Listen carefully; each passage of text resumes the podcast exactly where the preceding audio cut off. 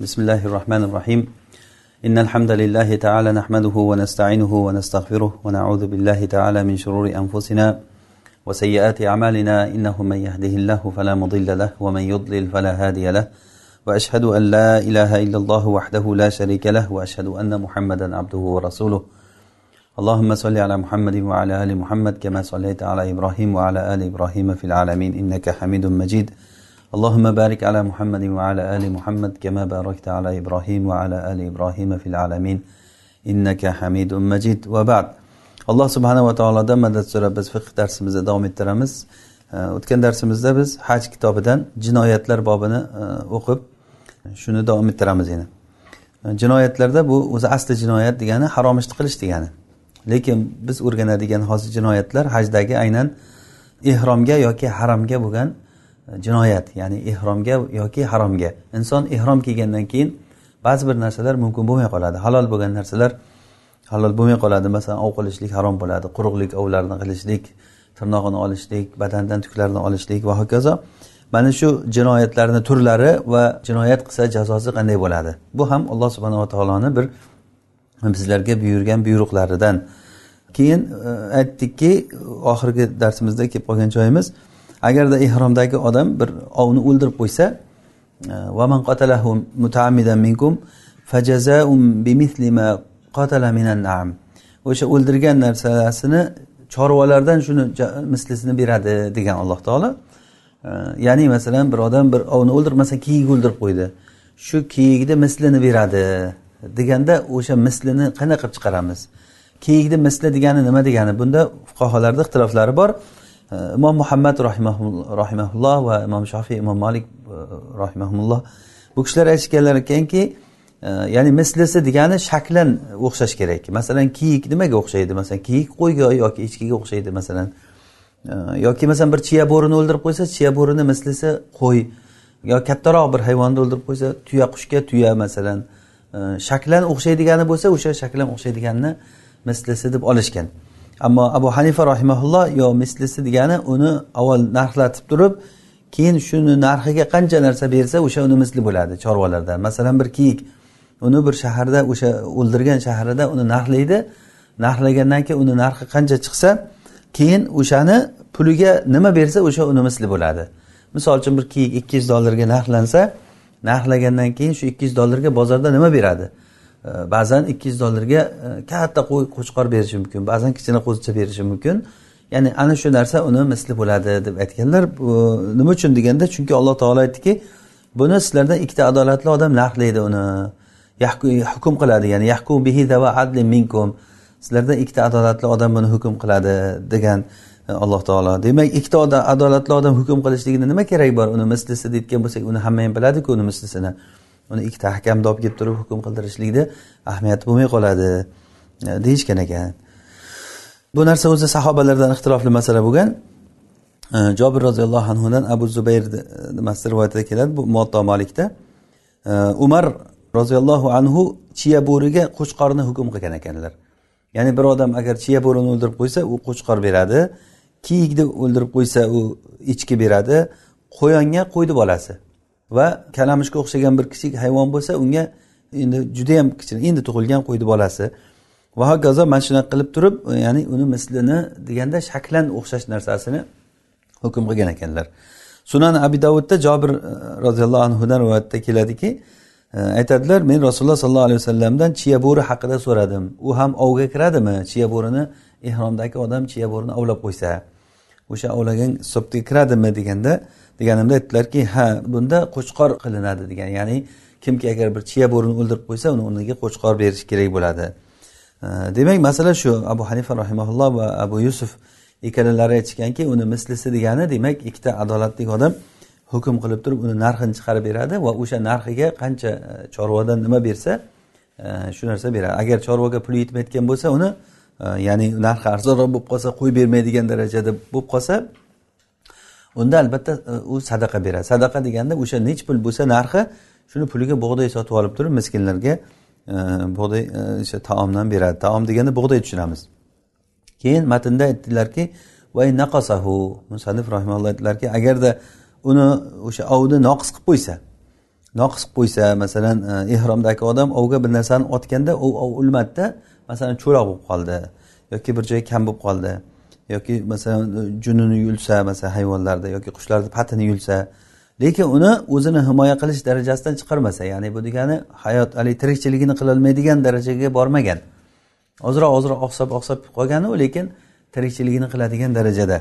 O'shanday bo'lsa uni nimani noqis qilgan bo'lsa shuni qiymati vojib bo'ladi. Ya'ni qiymati degani masalan bir narsani sog'lom holatdagi narxi nechi pul o'shani cho'loq holatdagi narxi nechi pul shu o'rtasidagi farqda beradi qiymatini. Uni narxlab uni o'sha ikkita adolatli odam uni narxlab uni chiqarib beradi. Agar uni o'zini himoya qilishlik nimasidan holatidan chiqarib qo'ysa e, ya'ni o'zini o'zi himoya qilolmaydigan darajaga olib borib qo'ysa ya'ni masalan bir qushni patini hammasi yulib tashlasa masalan yoki e, bir hayvonni oyog'ini kesib yuborsa masalan masalan ot aytaylik bir otni masalan ot uy hayvoniga kiradi. Masalan e, yirtqich hayvonlarni bitta oyog'ini kesib tashlasa bo'ldi u ochidan o'ldi degani u. Chunki ularni asosiy nimasi haligi bizda o'zimizda ham maqol borku bo'rini rizqi oyog'ida deb. Ya'ni yursa chopib chopib yugurib yurib o'zini rizqini topib yuradi.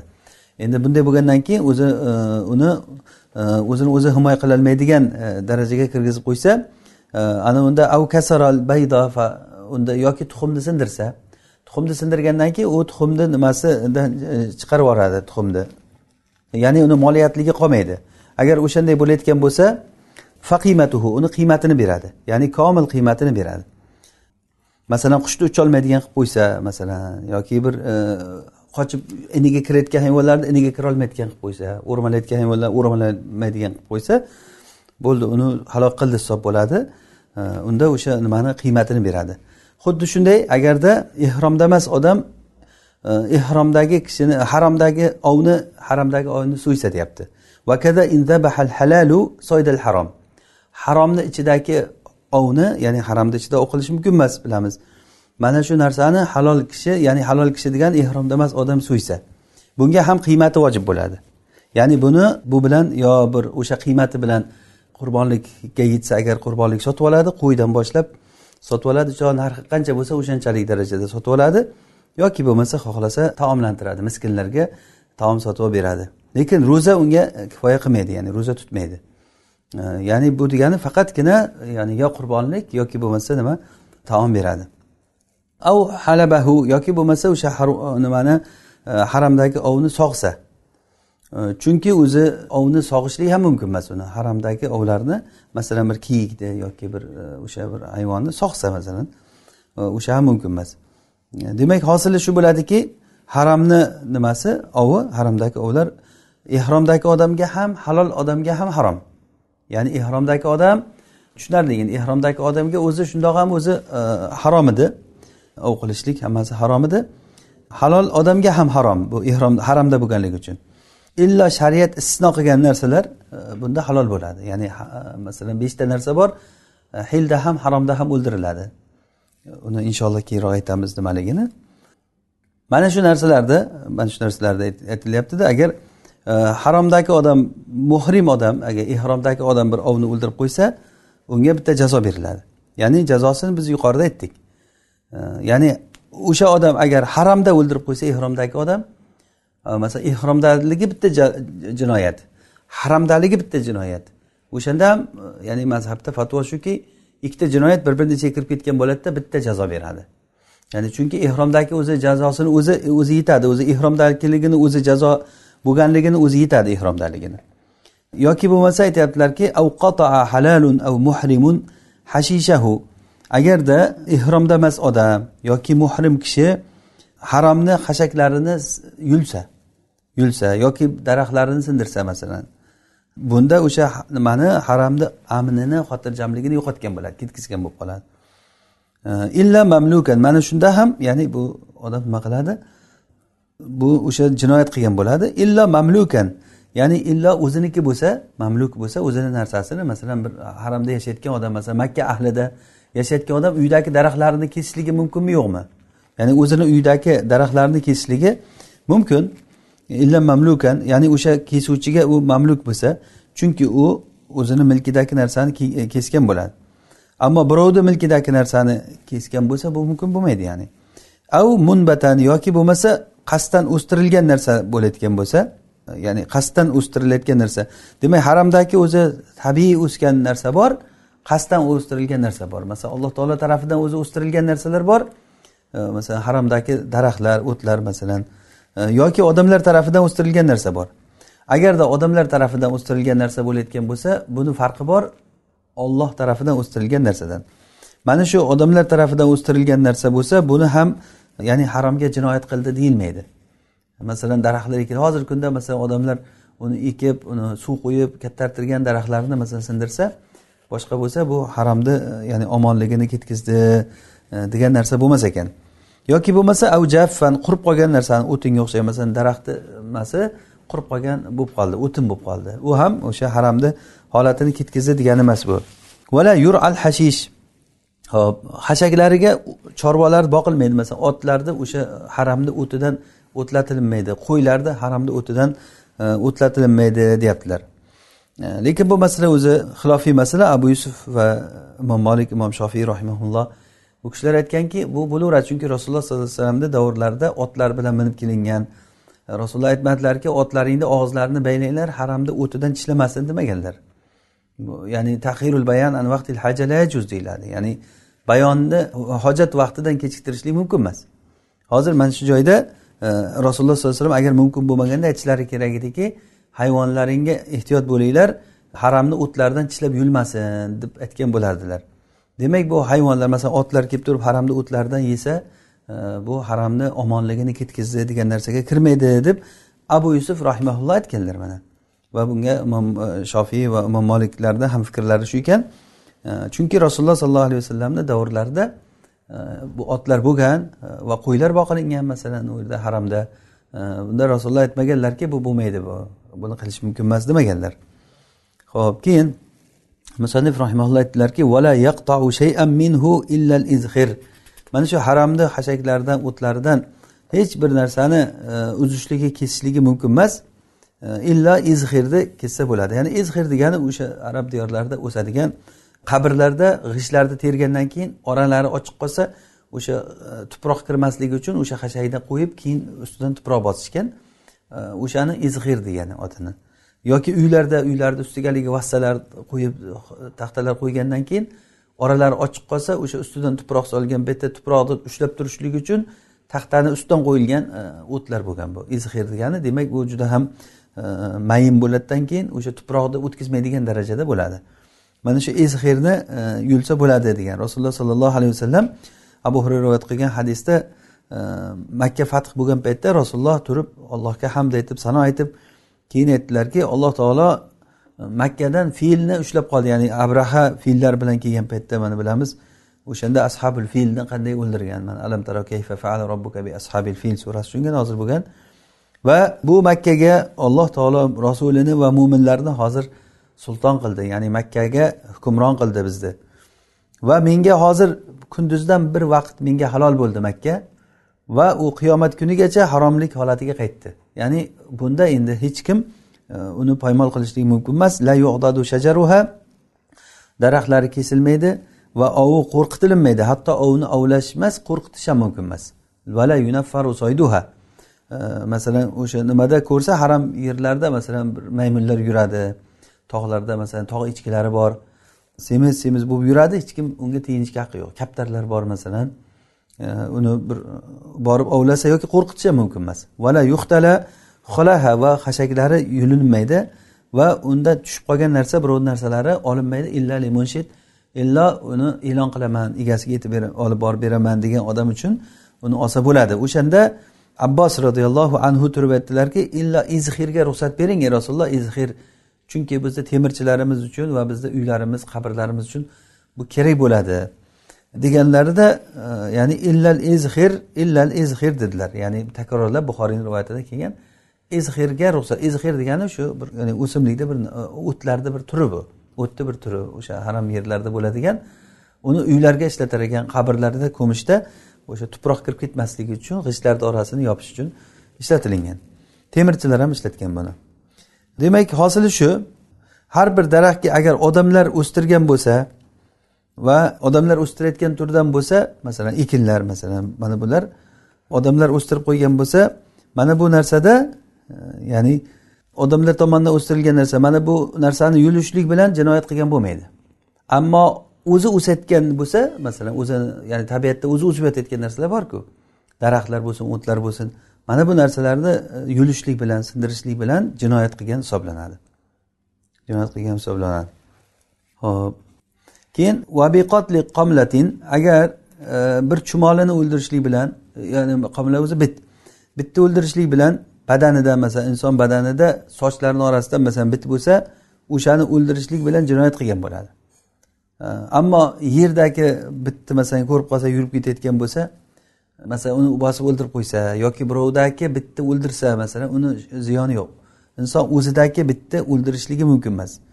Chunki bu e, haj hoji degani o'zi sochlari to'zigan hidlari e, o'zgargan odam. Ya'ni bu narsa o'ziga yarasha bir hukm qarang. Av qatala jarodatan yoki bo'lmasa bir chigirtkani o'ldirsa unga sadaqatun va inqollat agar oz bo'lsa ham sadaqa beriladi degan. Umar roziyallohu anhu bitta chigirtkaga ya'ni bitta tamr xurmo hukm qilgan ekanlar.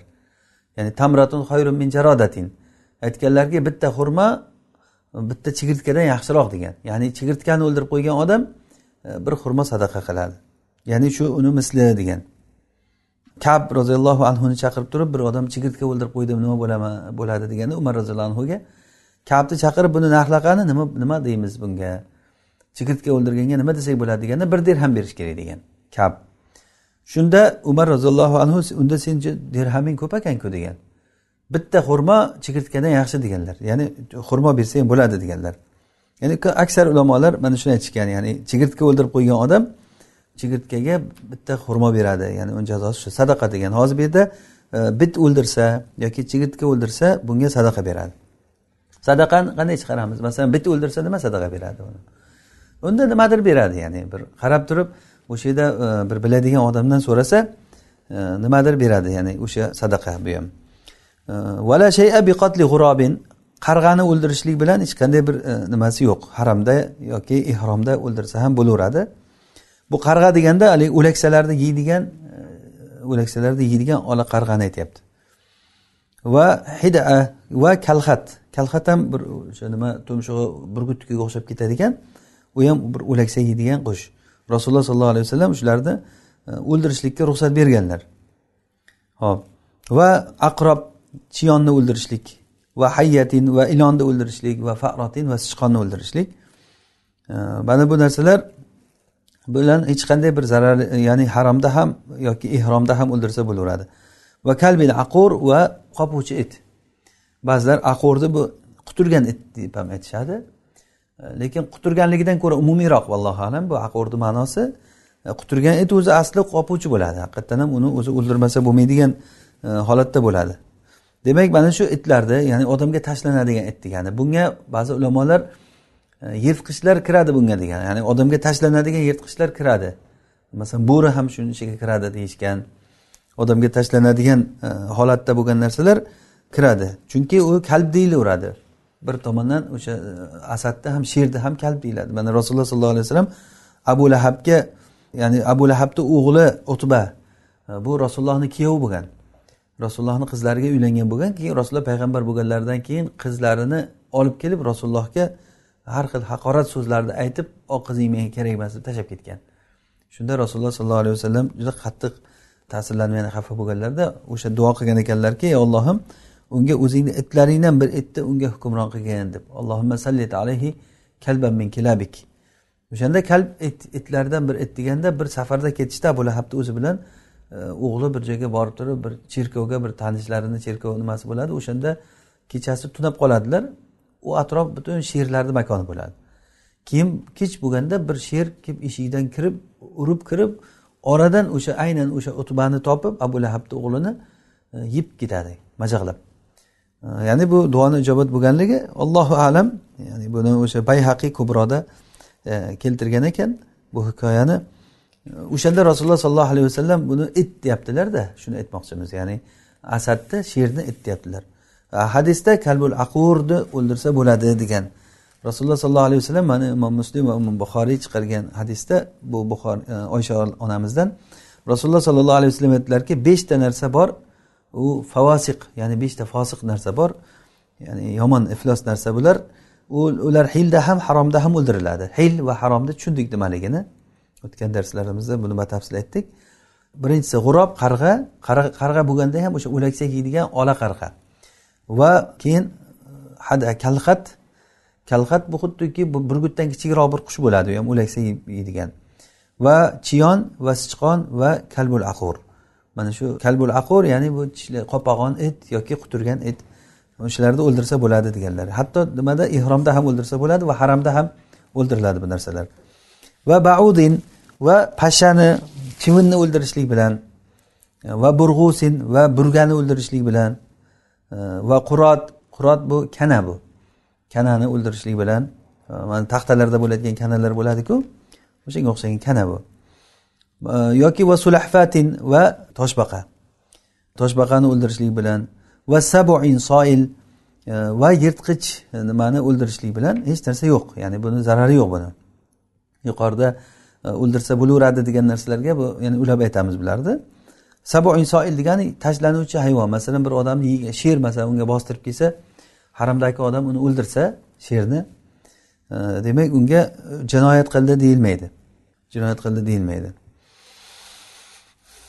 Hozirgi narsalar bu toshbaqani aytilinganligi ya'ni bu narsa o'zi aslida yerlarda yotaveradigan narsa bu ovga kirmaydi bu. Hasharotlarni turidan bu deb aytishgan ekan. Ya'ni buni e, toshbaqani. Chunki o'rmalab o'zi yo'lida yurganda bir qochishni ham bilmaydi bir odam bir toshbaqa ovladim deb deydigan holat emasda. E, masalan bir odam toshbaqa ushlab olsa toshbaqa topib oldim deydi kim bo'lsa ham. Uni ovladim demaydi. Quyon ovladim deydi masalan tulki ovladik bo'ri ovladim degan odamlar men toshbaqa ovladim demaydi. Chunki buni bir ovlayotgan narsa emas o'zi. Bu shuning uchun ham ularni o'ldirishlikni ham zarari yo'q deyapti. Valahu zabhul hayvanil ahli. Va ehromdagi odam ahli uy hayvonlarini so'yishligi mumkin. Ehromdagi odam masalan go'sht yemoqchi bo'lsa qo'y so'yishligi yoki mol yoki tuyalarni so'yishligi tovuq o'rdak g'oz masalan uyda turayotgan hayvonlar. Mana bularni e, so'ysa bo'laveradi. Ya'ni bu ovga kirmaydi. O'zi asosan ehromdagi odam muhrim va haramni nimasi? Ov mumkin emas. Ovmas bo'lgan narsalarni bunda o'ldirsa bo'laveradi so'ysa. Va aklu masodahu halalun va dabahahu. Va ehromda emas bo'lgan odam halal degani ehromda emas odam. Ehromda emas kishini ovlagan narsasini yeyish va uni so'ygan narsasini e, yeyishlik mumkin bunga. Ya'ni ehromda emas odam e, ehromda emas odam masalan bir ovni ovlasa va uni o'zi so'yib olib kelsa ehromdagi odamlar uni yesa bo'laveradi. Faqatgina sharti unga yordam bermagan bo'lsa yoki kecha darsimizda aytganimiz kabi dalolat qilmagan bo'lsa bo'ldi. Bila dalalati muhrimin va amrihi. Bu ehromdagi kishini dalolati va amri bilan bo'lgan bo'lmasa bo'ldi. Ya'ni ehromdagi odam agar yo'l ko'rsatib unga dalolat qilib qo'ygan bo'lsa e, bunda bo'lmaydi. Bunda bo'lmaydi. Hatto ba'zi aymalar aytgan ekanki agarda o'sha ovlovchini niyati ehromdagilar uchun bo'lsa ham bo'lmaydi. Imom molik shuni aytgan. Ya'ni ovlaydigan odam masalan men ehromda emasman. Siz ehromdasiz. Men aytamanki men shu odamga ehromdagi odamga bir ovlab olib kelib beray deb turib borib ovlab sizga olib kelib bersam niyatim ovlashdagi niyatim siz uchun edi. Unda uni ham ehromdagi odam yeyolmaydi niyati u uchun bo'lganligi uchun e, deb aytishgan. Ya'ni rasululloh sollallohu alayhi vasallamni ochiq hadisda kelgan. Ya'ni lahmus soydi halalun lakum ma lam tasiduhu aw yusadu lakum yusadu lakum. Ya'ni sizlar o'zlaring ovlagan bo'lmasalaring va sizlar uchun deb ovlangan bo'lmasa uni ehromdagi odamlar yesa bo'laveradi deganlar. Yesa bo'laveradi degan ya'ni bu masala ixtilofli masala o'zi. Aslida e, ehromdagi odamni niyat qilib ovlagan ovlamaganligi ixtilofli masala. Bizni mazhabdagi fatvo e, bu niyatiga qaralinmaydi. Ehromdagi odam uchun ovlaydimi o'zi uchun ovlaydimi? Ovlaydigan odam halol bo'lsa ya'ni halol degani nima? Ehromda emas bo'lsa e, va ehromdagi odam bunga yordam bermasa yo dalolat qilgan bo'lmasa unda E, ovlab kelgandan keyin muhrim odam esa bo'laveradi. E, buni dalili abu qatadani hadisi. Abu qatadani voqeasini hammamiz e, esimizda. Ya'ni abu qatada bir yovvoyi nimani ko'rib turib nimani yovvoyi eshak deydiku ya'ni zebra. O'shani ko'rib turib borib ovlab kelgan keyin sheriklari ehromda bo'lgan u kishi hali ehromga kirmagan bo'lgan. Keyin uni hammasi billalashib yegan uni. Ehromdagi odamlar yeyapti nimani? Halol odam ya'ni ehromda emas odam ovlagan ovni ular birgalashib yeyapti. Ho'p harom bisaydin arsalahu. Yana haromni hukmlaridan biri kim agar haromga ov bilan kirsa uni qo'yib yuborish kerak deyapti. Ya'ni kim agar bir ovni haromga olib kirsa uni qo'yib yuboradi. Demak uni haromda kirgandan keyin o'ziga yarasha bir hukmi bo'ladi. Ya'ni ehromdagi odam agarda ovni va varudda bayuhu agar sotsa deyapti bay rad qilinadi. Ya'ni halol odam bir ovni haromga kirgizgan ovni sotsa e, bu ham mumkin emas. Hali bu o'zi agarda ehromda bo'lmasdan turib ham ov qilish mumkinku. Masalan ehromda mast paytda ovladi keyin o'sha ovni kiyikni so'ymasdan agar so'yib go'sht qilsa u bo'ldi. Nima qildi? Uni gapirmaymiz. U mumkin. Agarda so'ymasdan turib kiyikni tiriklay haromga olib kirsa o'zi aslida haromdan tashqarida e, ovlagan uni. Lekin haromga olib kirsa olib kirgandan keyin uni qo'yib yuborish kerak bo'ladi. Ya'ni chunki haromda amin xotirjamlik hukmi bor. E, Alloh subhanahu va taolo haromni hukmini xotirjamlik qilgan hatto odamlar va hatto hayvonlarga ham. Ya'ni ular hatto qo'rqitishligi mumkin emas.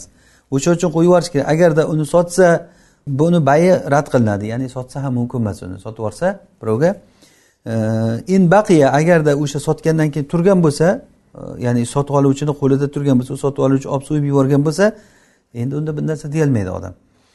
Va illo agarda ov turmagan bo'lsa agar turmagan bo'lsa unda sotuvchi jazosini beradi. Ya'ni kishini kaforatini to'laydi.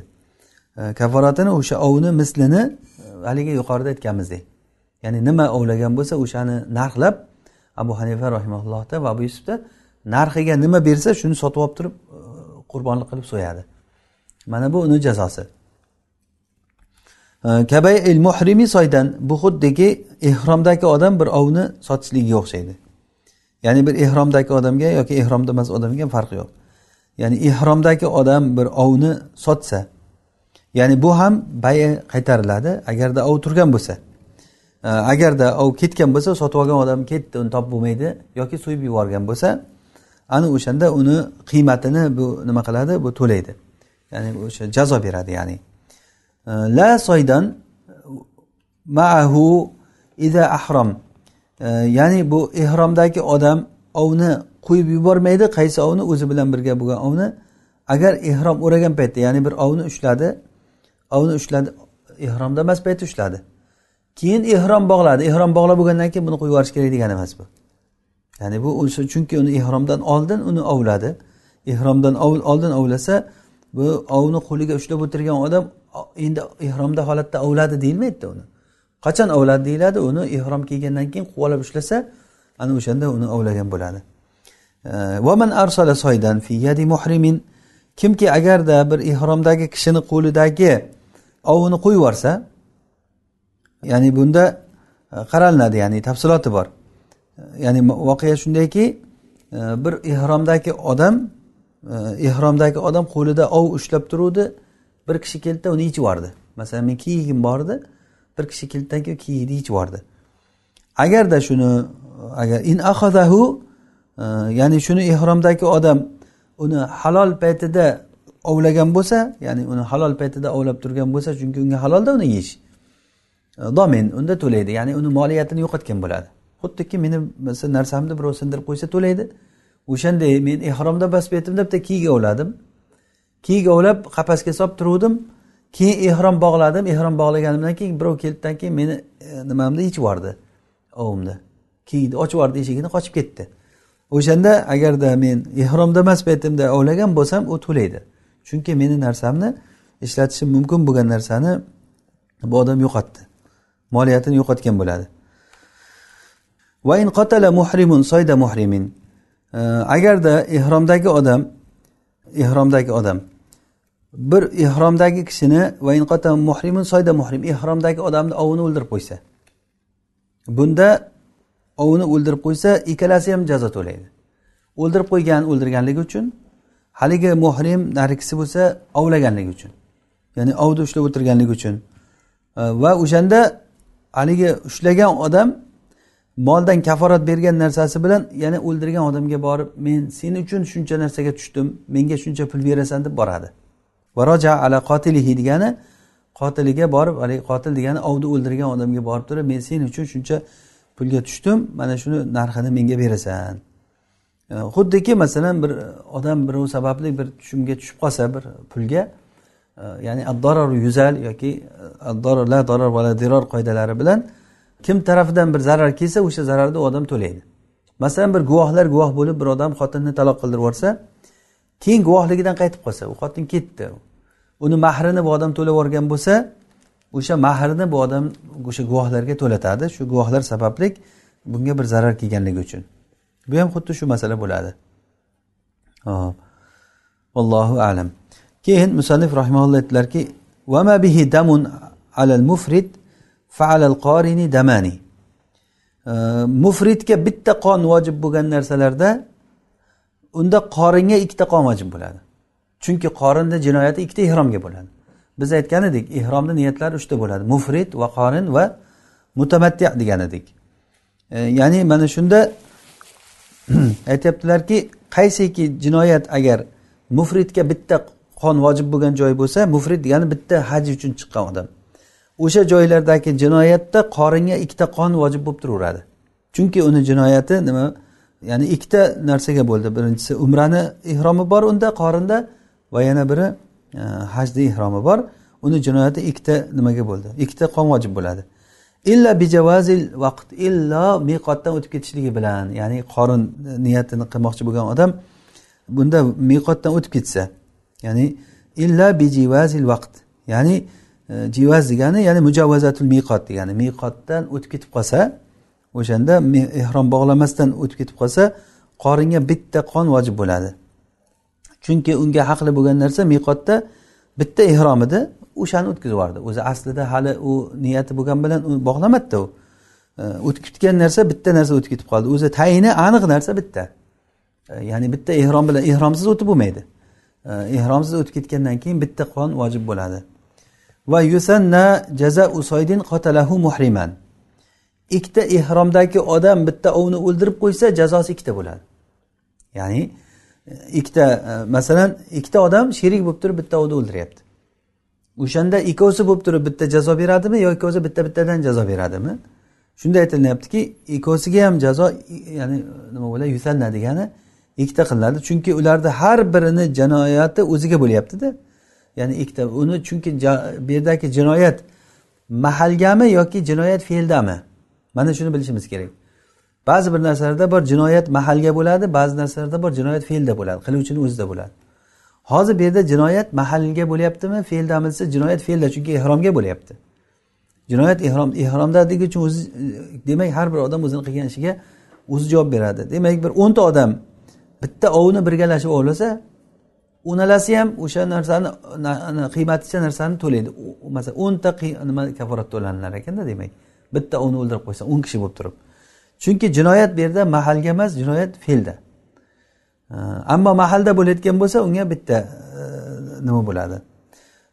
Vattahada lavqatala soydal harom halalan. Ana buni qarang. Agarda haromni ovini ikkita halol o'ldirib qo'ysa ikkita halol degan ikkita ehromda emas odam bu chunki bularni ehromda emas odamni o'zi aslida u jinoyat uni ehromiga emasda jinoyat uni fe'lga ya'ni haromga bo'lyapti. Demak haromga mahalga bo'lgandan keyin ikkita ehromda emas odam haromda ovini o'ldirsa unda ikkovsi bo'lib turib bitta jinoyat to'laydi ya'ni e, masalan bitta kiyikni o'ldirib qo'ysa o'sha kiyikni narxi ikki yuz bo'lsa ikkovsi yuz yuzdan qo'shib bitta kiyikni qiymatini e, jinoyat qilib to'laydi. Demak mana shu narsani tushundingmi? Bu yerda jinoyat ya'ni bu yerda fe'ldagi jinoyat bor va mahaldagi jinoyat bor. Fe'ldagi jinoyat ehromda holatda jinoyat qilsa odam o'zini e, fe'ldagi jinoyati bo'ladi. Agarda mahaldagi jinoyat degani bu e, hozir aytganimizdek haramni ichida bo'lganligi uchun. Hop yana bir masala baal muhrimu soydan avsharohu batal. Batol agarda ehromdagi odam bir ovni sotsa yoki sotib olsa bu nima bo'ladi? Botil bo'ladi. Ya'ni mumkin emas bu. Chunki uni sotishligida sotib olishligida ovga ro'para bo'lish bor. Ya'ni ovlamanglar degan haramda ovni qo'rqitilmasin desa bu qo'rqitishdan ham ko'ra yomon narsada bu. Hattoki uni sotish yoki sotib olish chunki ehromdagi odam soyidga molik bo'lolmaydi na sotib olishlik bilan na hiba bilan na meros bilan na vasiyat bilan hech bir narsa bilan muhrim odam ovga ega bo'lolmaydi ya'ni agarda u sotib olgandan keyin uni qabz qilsa lekin uni zamoniga kirib qoladi. Agar halok bo'lsa shuni hisobidan halok bo'lib ketadi. Masalan bir odam ehromdagi odam sotib olsa sotib olishi mumkin emas o'zi. Mumkin emas bo'lsa ham agar olgan bo'lsa u odam sotib ketib keyin o'lib qolsa bu o'zini hisobidan ketadi. Ya'ni olgan odamni hisobidan ketadi. Bayul fasid ya'ni bu e, hanafiy mazhabda bayul fasidni nimasiga o'xshaydi? Hukmiga o'xshaydi. Inshaalloh kitabul bayni o'qiganimizda e, buni masalasini inshaalloh batafsil tushuntiramiz. Bayul fasidni nima farqi bor bu yerda? Boshqa mazhablardan bizda buni farqi farqli joyi bor. E, inshaalloh o'shani e, joyi kelganda aytamiz. Xuddi o'shanga o'xshaydi bu ham. Zabahahu haruma.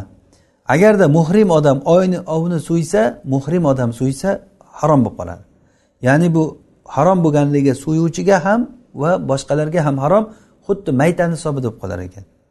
Alloh taolo aytgan oyati shunki alaykum soydul barri ma dumtum huruma.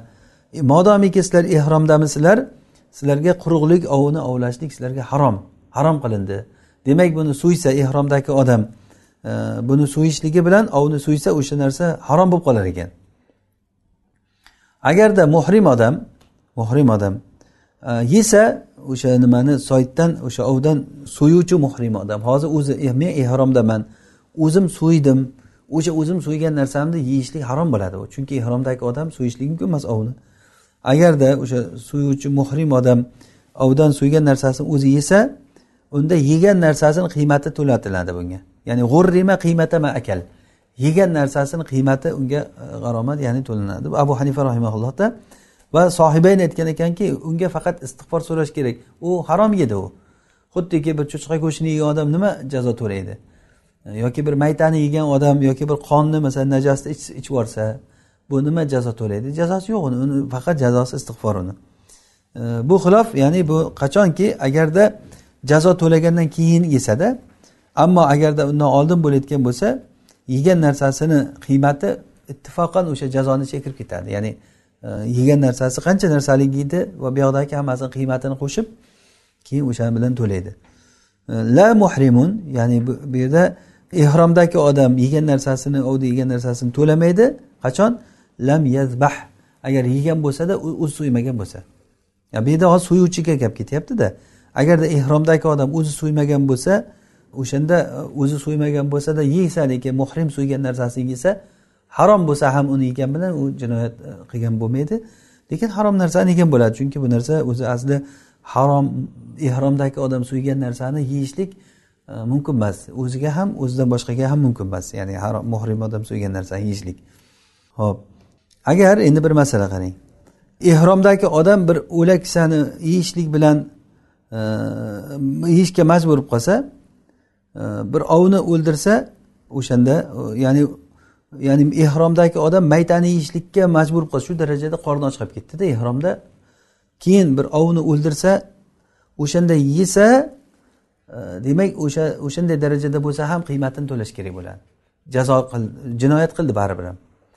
Uni muzdorligi shar'an harom qilingan narsani bo'ldi e, halol bo'ldi bo'ldi buni jinoyati yo'q hech narsasi yo'q deganini bermaydi. To'g'ri yesa bo'ladi lekin yegandan keyin uni e, nimasini jazosini to'laydi. Chunki muzdor majbur bo'lib qolgan bo'lgan odamga masalan hozir majbur odamga boshida bitib bor odamni sochini olishga majbur ruxsat berildiku shar'an. Mana shu narsada unda ham kaforatdan xoli qo'ymadi uni ham. Ya'ni kimda kim e, ya'ni boshida ozori bor bo'lgan odam boshida bit bosib ketsa masalan e, boshi sochini oldirsa keyin u kaforat beradi baribir ham. Vaholanki buni majburiy ravishda qilyapti. E, bu ham ovniki ham xuddi shunday bo'ladi. Agar agarda bu ham bir masala. Agarda ehromdagi odam o'lim o'lim tegdi yeyish bilan ovni yeyishni o'rtasida ixtiyorlik qilib qolsa masalan ehromdagi odam oldida bitta o'lik molni go'shti bor va yana ov turibdi. Agar ovni o'ldirib yesa o'sha o'ldirdi ham deylik ovni. Buni yeydimi buni yeydimi deganda maytani yeydi. Ovni yemaydi. Ovni o'ldirmaydi. Ovni o'ldirmaydi. Agarda ehromdagi odam majbur ehromdagi odam e, bir ovni va musulmon kishini molini ko'rib qoldi. Ya'ni bitta ovlab yesa bo'ladi va musulmon kishini moli bor. O'shanda qaysisini yeydi deganda aytyaptiki musulmon kishini molini yemaydi. Ya'ni o'shanda o'shanda ovni yeydi u odam. Chunki uni hurmati alloh taoloni haqqi uchun alloh taoloni haqlari musomahaga qurilgan bandalarni haqlari mushahhaga qurilgan. Ya'ni bu nima degani? Ollohni haqqi bo'lgan narsalar ko'pincha ruxsat beriladi. E, masalan mana maytani yeyishlik yemaslik ollohni haqqi uchun din uchun. Shuning uchun majbur bo'lib qolganda alloh taolo o'zi boy bo'lganligi uchun banda muhtoj bo'lganligidan deydi fuqarolar ruxsat beriladi. Ammo bandani haqqi talab topib qolsa bunda u qattiq turiladi unda. Shuning uchun ham odam majbur bo'lib qolgan paytda birovni molini yegan bilan uni joyiga qaytib qolib qo'yish kerak. Yoki o'zini nafsini qutqarish uchun birovni nafsini halokatga e, solishligi mumkin bo'lmaydi. Ya'ni ollohni haqqi bilan bandani haqqida ya'ni bu yerda katta bir farqli joylari bor. Ho'p musannif yana aytyaptilarki valadat zobiyatun uxrijat minal harom haromdan chiqarilingan kiyik bolalasa. E, ya'ni uni masalan men bir kiyikni haromdan olib chiqdim tashqariga. Endi u homilador ekan tug'di. Favaladat vamata ikkovsi ham o'lib qoldi. Men o'zi asli bolasini olib chiqqanman onasini olib chiquvdim. Bola uni onani qonida edi. Olib chiqqandan keyin onasi o'lib qolsa bolasi ham o'lib qolsa zobiya va uni kiyik bilan bolasi o'lib qolayotgan bo'lsa e, g'urrimahuma o'shanda o'sha chiqargan odam ikkalasiga ham g'aromat tushadi ya'ni to'laydi. Ya'ni ikkita jazo beradi nima to'laydi kaforat to'laydi ham onasiga ham bolasi uchun to'laydi. E, ya'ni o'sha chiqargan odam ya'ni bu chiqargan odam e, ihromda emas bo'lsa ham yoki farqi yo'q. Ya'ni savaun halalan au haroman ya'ni muhrim bo'lsin halol bo'lsa uni farqi yo'q chunki u haramdan olib chiqdi. Biz aytdikki haramda ovlari qo'rqitilinmaydi uni ovlash ham mumkin emas qo'rqitish ham. Vala yunaffaru soyduha rasululloh aytdilarki uni ovi qo'rqitilinmaydi deb. Va in adda jazaaha agarda chiqarilgan kiyikni jazosini to'lagan bo'lsa bu odam summa valadat keyin tug'sa ya'ni uni jazosini to'lagandan keyin keyin tug'sa lam yajzihi bunda uni haligi bolasini jazosini bermaydi. Ya'ni bittasini e, nima qilsa bo'ldi. Bolasi chunki e, bu chiqargandan keyin uni jazosini berdi bo'ldi bu qutuldi bu. Endi u tug'ib bolasi o'lib qolsa unga buni aybi bilan bo'ldi degan gap bo'lmaydi. Ho'p bu yerda bir masala bor. Madinani ovini ovlasa bo'ladimi degan masala. Hozir biz aytgan narsalar makkani haromni e, nimasi edi holatlari edi. Madinani ovini ovlasa bo'ladimi? Imom molik imom shofiy rahimaulloh bular aytishganki madina bilan makka bir xil. Ya'ni makka madinada ham xuddi shunday kaptarlar uchib yurgan bo'lsa ham kiyiklar yurgan bo'lsa ham ovlari olinmaydi va hokazo va hokazo. Ya'ni xuddiki harom shuning uchun ham hozir haromayni sharifayni deb aytiladiki ikkita harom ikkita harom degani makka bilan madina. Madina ham xuddi shuni makkadaymi haromligi deganda imom molik imom shofiylar aytishganki xuddiki makkaday buni dalili rasululloh sollallohu alayhi vasallam aytganlarki ibrohim alayhissalom makkani harom qildi. Va men madinani ikkita toshlog'i o'rtasidagi joyni harom qilaman deganlar. Madina o'zi ikkita toshloqni o'rtasida mabayna labatayha e, ya'ni harrotayha deb ham keladi. Ikkita toshloq bor qora qora toshlar borgan odamlar ko'radi. Bu tomoni ham bu tomoni ham ikkita toshloqni o'rtasida madina. Men shu mana shu ikkita toshloqni o'rtasidagi joyni maydonni e, men harom qilaman deb aytganlar. Agarda kimda kim unda madinada ov qilayotganligini ko'rsalaring uni qaytaringlar deganlar. Ya'ni rasululloh sollallohu alayhi vasallam aytganlar ekanlarki kimni kim e, madinada ov qilayotganligini ko'rsa uni qaytaringlar. Demak bu e, imom molik va imom shofiyni mazhablarida shunday. Madina bilan makka bir xil. Bizni mazhabda hanafiy mazhabda e, makka bilan madina bir xil emas. Ya'ni bu harom hukmlari faqatgina nimaga bo'ldi? Makkaga bo'ldi. Madinaniki unaqa bo'lmaydi. Hujjatimiz mana shamoilda rivoyat qilingan narsa rasululloh sollallohu alayhi vasallam ba'zi bolalarga madinada qush bergan ekan. Ya'ni qush bergan u qo'lidan uchib ketgan. Keyin bunda afsuslanib turgan paytda rasululloh sollallohu alayhi vasallam aytadilarki ya aba umayr ma faala nug'ayr ey abu umayr bu qushga nima bo'ldi? Qushing nima uchib ketdimi? deb bola yig'lab o'tirganda. Agarda madinani ovi harom bo'lganda rasululloh sollallohu alayhi vasallam unga haligi qushni qo'liga tutqizib qo'ymagan bo'lardi. Bolani qo'liga e, qushni ushlatib qo'ymagan bo'lardi. Allohu alam. Bu, bu masala demak e, mana shu dalil bilan madina boshqa makka boshqa degan gap chiqyapti bildikki masala ixtilofli masala. Ho'p yana bir masala. Imom shofiy rahimaulloh makkani madinadan afzal degan ekanlar. Va bizni ulamolarimiz ham shuni aytgan. Ya'ni hanafiy mazhabni ulamolari va shofiy rahimaulloh makka madinadan afzal degan. Imom molik bo'lsa masalani e, teskari qilgan. Ya'ni madina makkadan afzal degan. Ya'ni rasululloh sollallohu alayhi vasallam e, duolari uchun allohimma barik lana fi samarina va barik lana fi madinatina ey ollohim bizni mevalarimizga baraka ber bizni shahrimizga madinamizga baraka ber bizni e, idishlarimizga va bizni o'lchovlarimizga baraka bergin. E, ey ollohim ibrohim alayhissalom seni bandang holiling nabiying va men seni bandang nabiyingman. U kishi duo qildilar makkaga men madinani haqqiga duo qilaman. Ibrohim alayhissalom makkaga duo qilgan narsani misli bilan va u bilan birga yana bir misli bilan ikki barobar duo qilaman.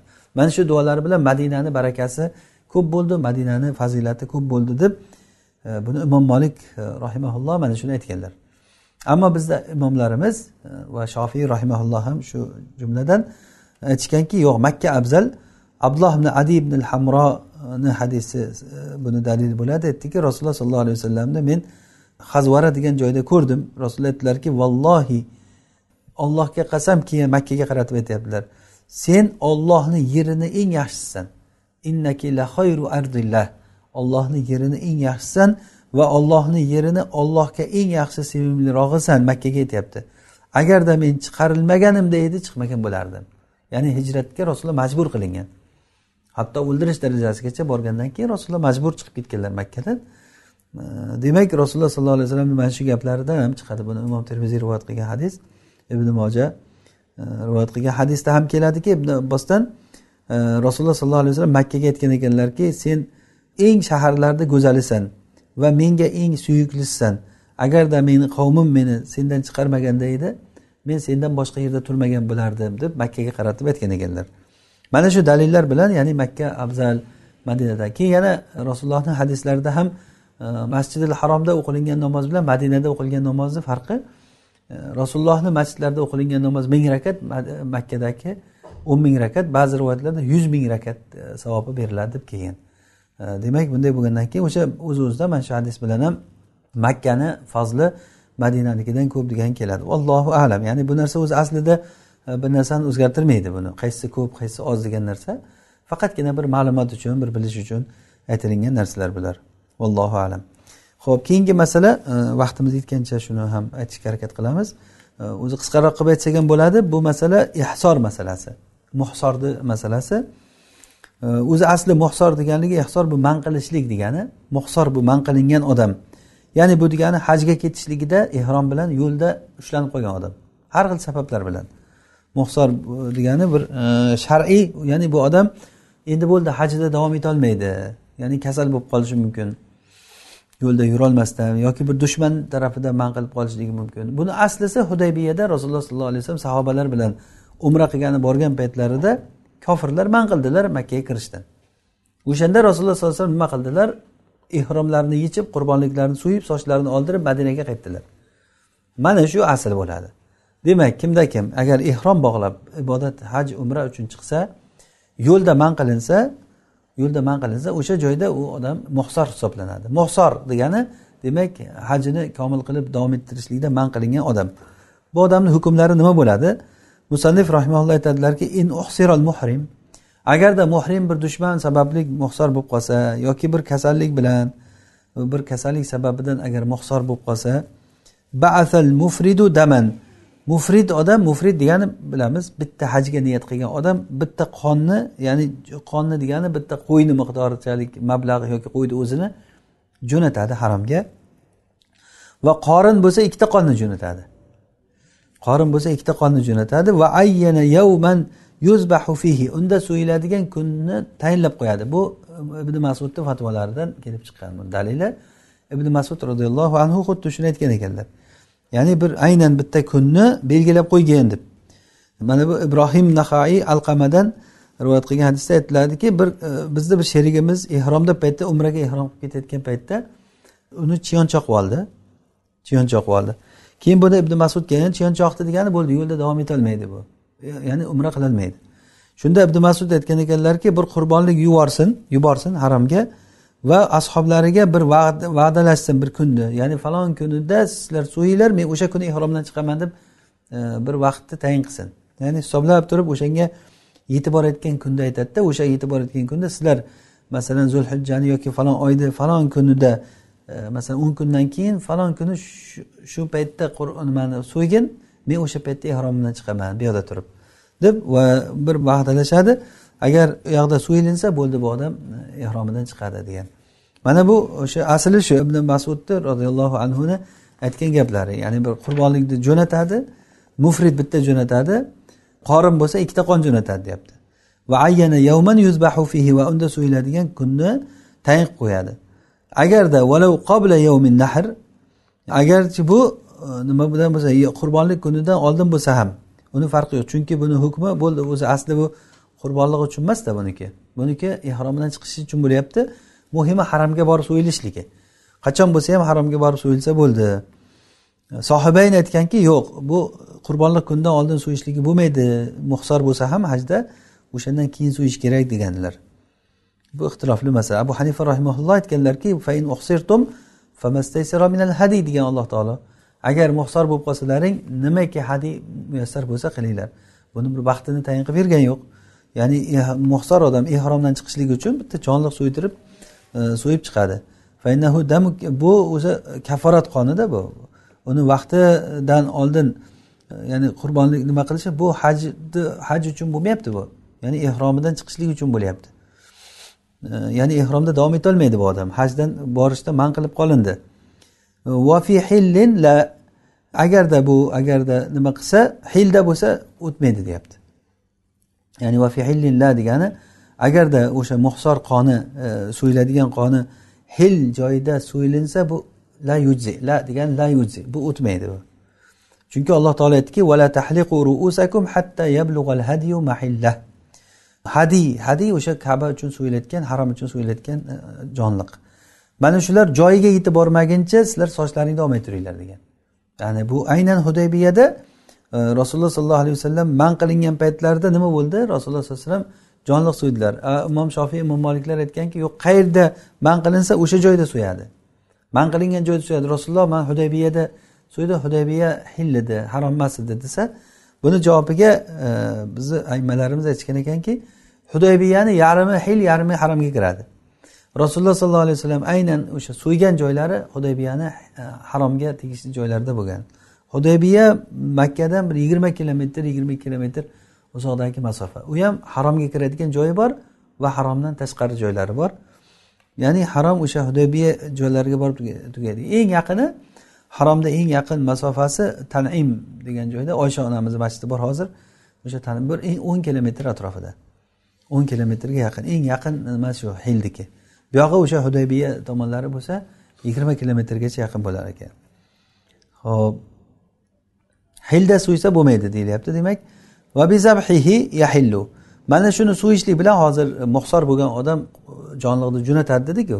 O'shani so'yilishligi bilan bo'ldi bu ehromdan chiqadi. Buni aslisi hozir yuqorida mana bir necha takror aytdik. Hudaybiyada rasululloh sollallohu alayhi vasallamni qilgan ishlari. Rasululloh sollallohu alayhi vasallam nima qildilar? O'sha kofirlar kirgizmay qo'ygandan keyin man qilib qo'ygandan keyin rasululloh sollallohu alayhi vasallam ashoblariga buyurdilar. Qurbonliqlarni so'yib sochlarini oldirib ehromdan chiqdilar o'sha joyda. Mana bu bizga asl bo'ladi. Mana bu bizga asl bo'ladi. Va muhsor kishiga vojib bo'ladi. Va yajibu alayhi in halla min hajjin hajjun. Agarda hajdan ehromini buzgan bo'lsa bu odam ya'ni hajga ketayotgan odam muhsor bo'lib qoldi. Muhsor nima dedik man qilib qolindi bu odam ehromini shunda hajdan chiqsa kelasi yili haj qilishlik unga vojib bo'ladi. Va yana bitta umra ham qilish kerak bo'ladi. Ya'ni bitta hajga chiqqan odam bir haj va bir umra qilib berish kerak. Nima uchun? Chunki u hajni yo'qotgan odam ma'nosida bo'ldi.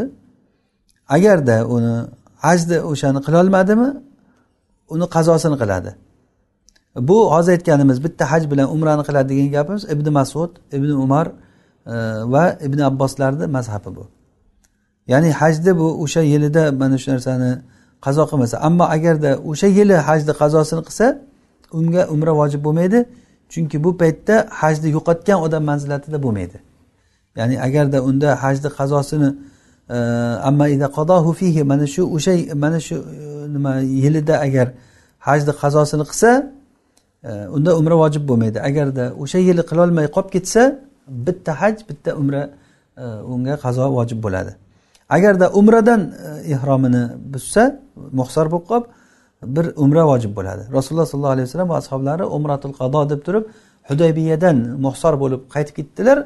Keyin bu yiliga umratul qado qilib turib makkada haj qildilar. Ya'ni bitta umranikiga bir umra. Va agarda qorin ya'ni qorin ikkita haj va umraga ehrom bog'lab chiqqan kishi bu bo'lsa bir haj bilan ikkita umra bunga qazo bo'ladi. Chunki uni hajga kirishlik o'zi sahiy bo'ldi va umraga kirishlik sahiy bo'ldi. Va chiqishlik bilan bunga lozim bo'ladi. Ikkovsini qazo qilishlik va boshqa bir umra ham. Bu ikkinchi umra nima uchun endi? O'zi aslida bir haj bu umra uchun edi boshqa bir umra ham vojib bo'ladi. Chunki umra ishlari bilan chiqishlikni tark qilganligi uchun. Umra. Umra ishlari bilan chiqishligi tark qilgan uchun bu ishtihodiy masala bu. Ishtihodiy masala. Ya'ni o'zi aslida asl rasululloh sollallohu alayhi vasallam hudaybiyada man qilingan paytlarida umrada man qilindilar. Umraga bitta umraga umrasini qazo qilib bergandilar. Agar muhsorligi ketsa va unga qurbonligiga yetib olishlik haligi yuborgan jonlig'iga yetib olishlik mumkin bo'lsa va hajga yetishlik mumkin bo'lsa birgalikda unda e, yo'llanadi. Ya'ni bunday vaqtga qaraydi agar yetib borishlikka imkon bo'lsa e, borish kerak bo'ladi. Ya'ni agar yetib borish imkoni bo'lmasa va illa ya'ni ularga yetib borish imkon bo'lmasa falahu ayahil u E, nimasidan chiqishligi ehromdan chiqishligi mumkin.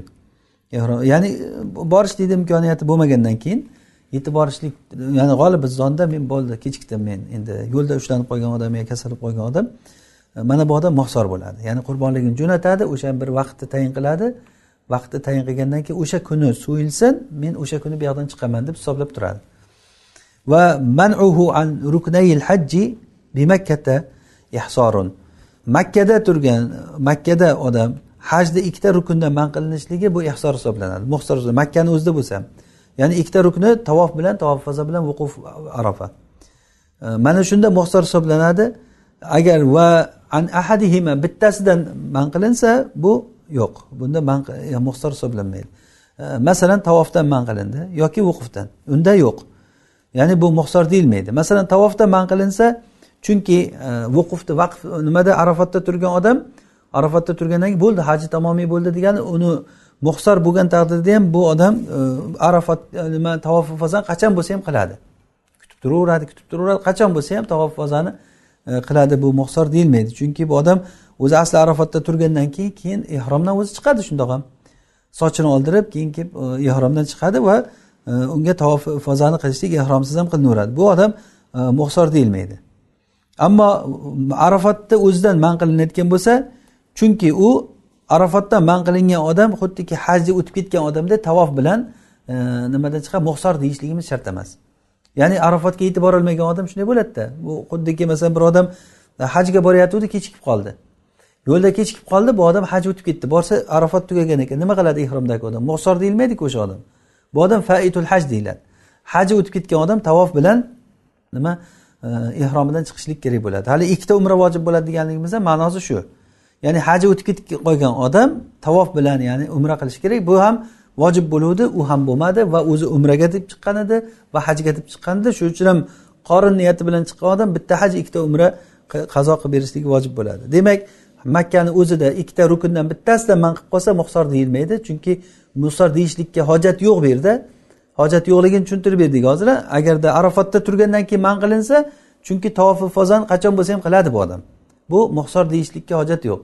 Ammo agarda tavofi ifozani qilishlik emas u faqatgina arafatda man qilinsa arafatni qilmasdan turib kabani tavof qilib umraga ya'ni ehromini umraga buzib yuborsa faitul haj bo'ladi. Bu kelasi yil haj qilib beradi. Buni muhsor deyishlikka hech qanday bir hojat yo'q. Mana shu narsa ya'ni muhsorni qisqacha bir E, hukmi. Ya'ni yana takrorlaymiz muhsor degani hajga chiqqan odam man qilib qolinadi bir dushman yo boshqa bir sababdan yoki kasal bo'lib hajni davom ettirolmay qoladi. O'sha odam nima qilishligi haqida mana e, qisqacha bir tushuntirib berdik. Alloh subhanava taolo e, bilmaganlarimizni o'rgatsin. Alloh taolo o'zi foydali ilm bersin. Alloh taolo gunohlarimizni mag'firat qilsin darslarimizni davomli va barakotli qilsin. Hada ma alam. Robbina taala alam va alam. Subhanakallohu bihamdik. نشهد أن لا إله إلا أنت نستغفرك ونتوب إليك. صل اللهم وبارك على عبدك ونبيك محمد عليه الصلاة والسلام. والسلام عليكم ورحمة الله وبركاته.